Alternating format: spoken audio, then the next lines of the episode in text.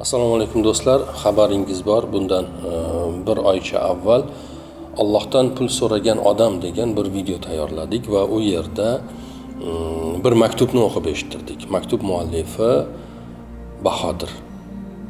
E, u hayotidagi ayrim muammolardan ichida bir qadar tug'yonga isyonga keladi va e,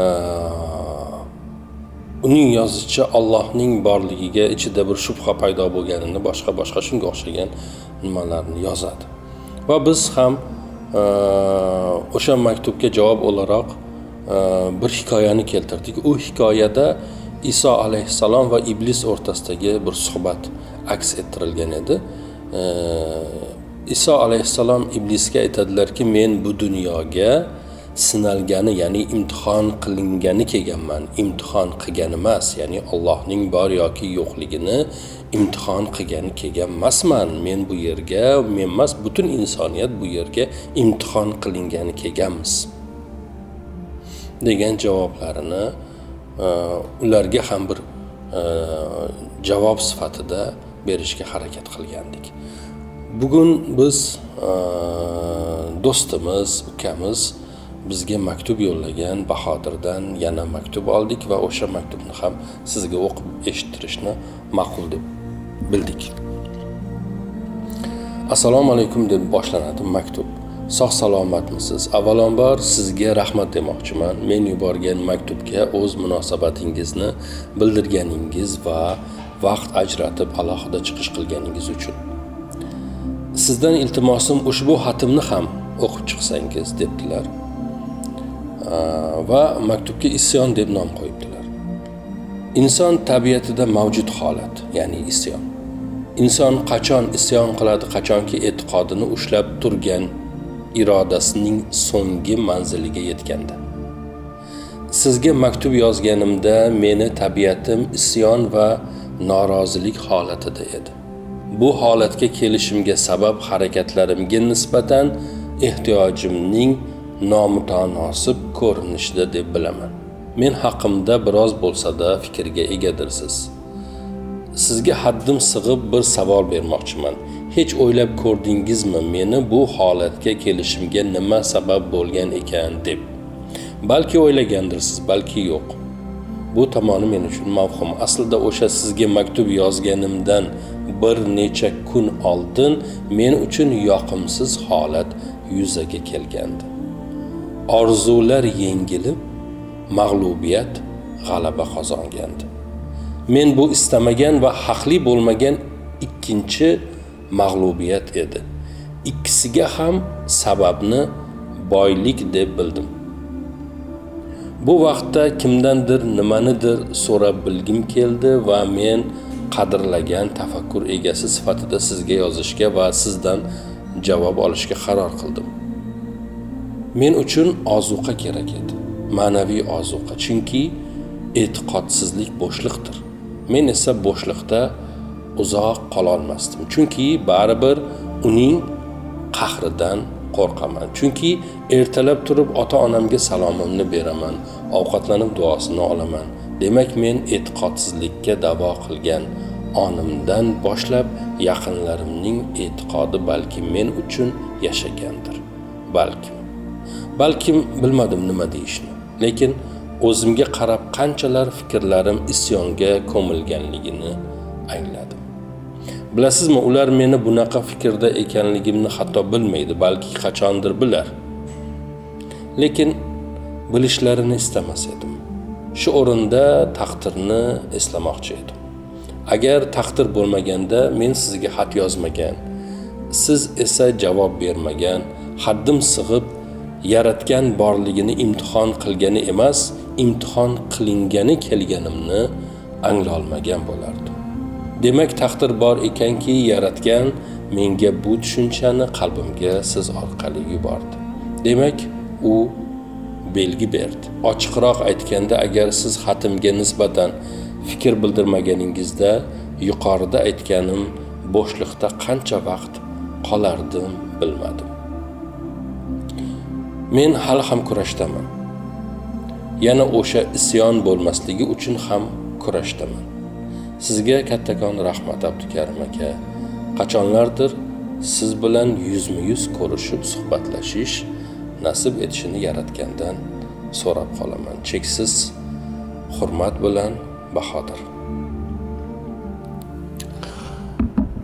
Do'stimiz bahodirdan kelgan ikkinchi maktub. Bu maktubni ham o'qib eshittirdik va e, bu maktubni bizga yozganlari uchun bahodirga minnatdorchiligimizni bildiramiz. Biz istaymizmi istamaymizmi qabul qilamizmi qabul qilmaymizmi haqiqatlar har doim o'z so'zini nima qiladi aytadi. Bahodir taqdir haqida gapirdilar va bularni hammasini taqdirga yo'ydilar. Shu o'rinda bahodirga o'xshab ichida bir isyonga ketib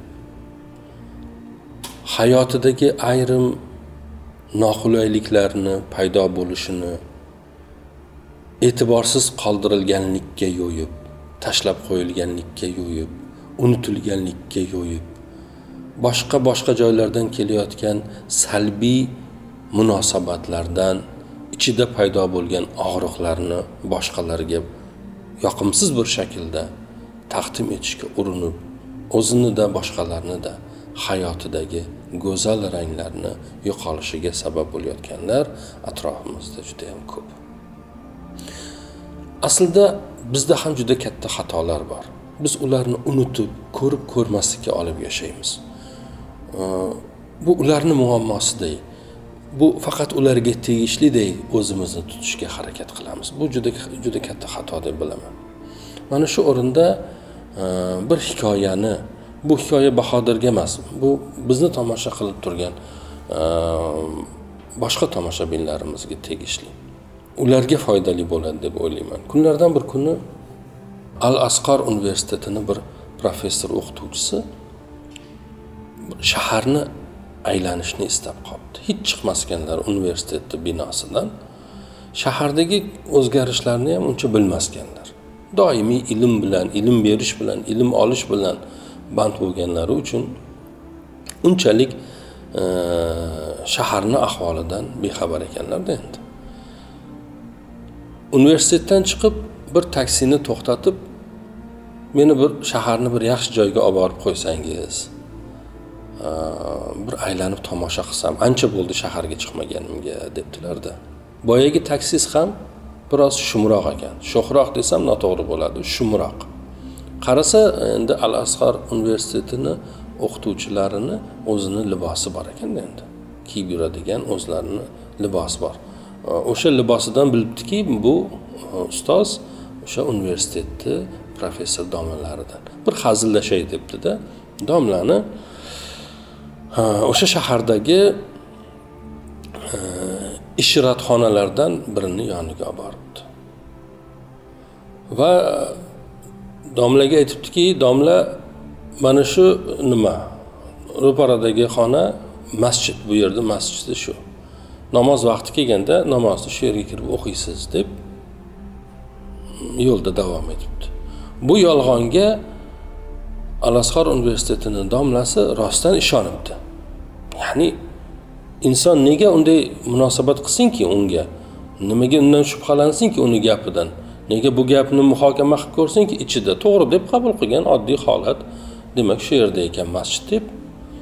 Shom namozi bo'lishi bilan o'sha masjidga qarab masjid deb ko'rsatilgan binoga qarab yo'l yo'lga tushibdi. Va binoni eshigidan kirsa chap qo'lda bir yosh kelishgan bir qiz o'tirgan ekan. Bu shu masjidni muazzinini qizi bo'lsa kerak yo imomni bir qizi bo'lsa kerak deb azon aytilishini kutib bir burchakda o'tiribdilar. Kutarmish azon aytilmasmish kutarmish azon aytilmasmish. Keyin biroz shom vaqti qisqa bo'lgani uchun muazzinda ish chiqib qoldi shekilli o'zim o'qib qo'yaveraman deb o'sha yerda turib turgan joylarida azonni aytib keyin boyagi e, qiz o'tiribdiku. Qizga qarab qizim ke jamoa qilib o'qib olamiz tur orqamga. Namoz vaqti o'tib ketib qoladi. Tez tez harakatingni qil debdilarda.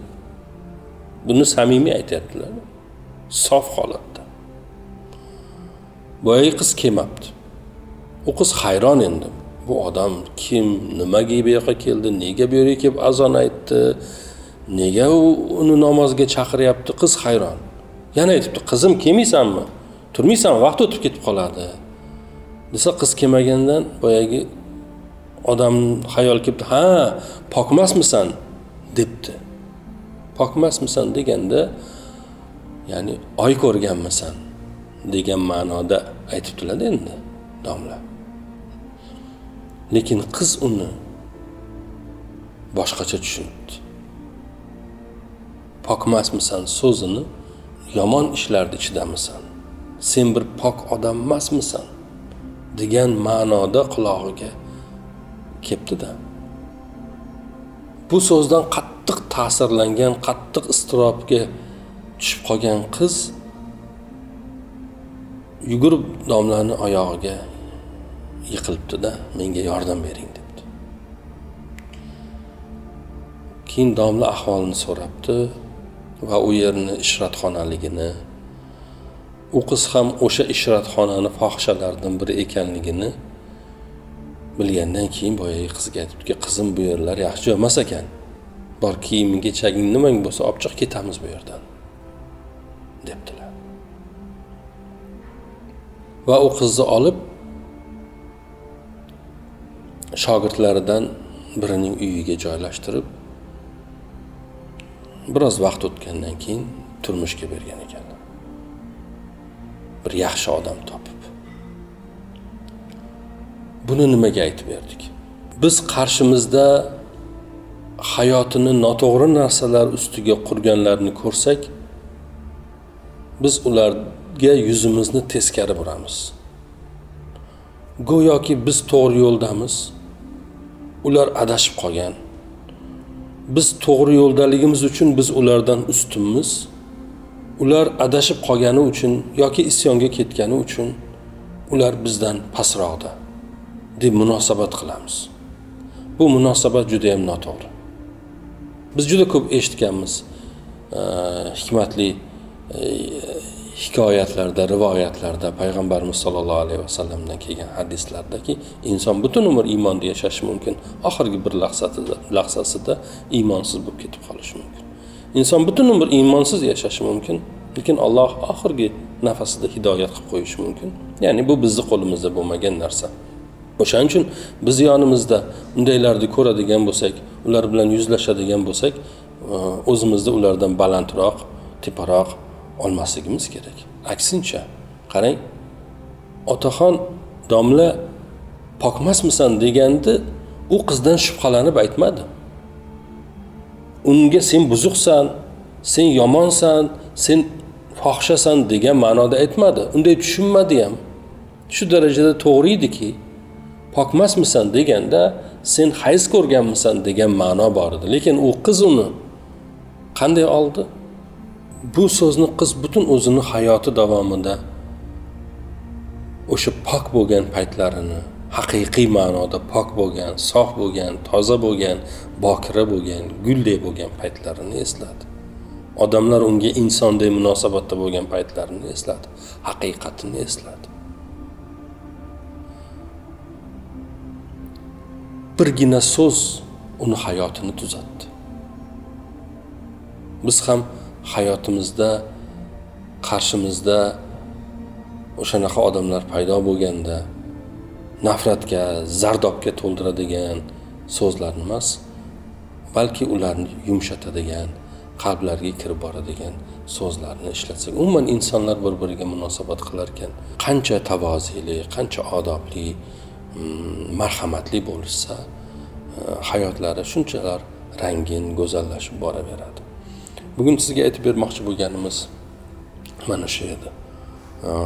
Bahodirga esa maktub uchun minnatdorchiligimizni bildiramiz. Salomat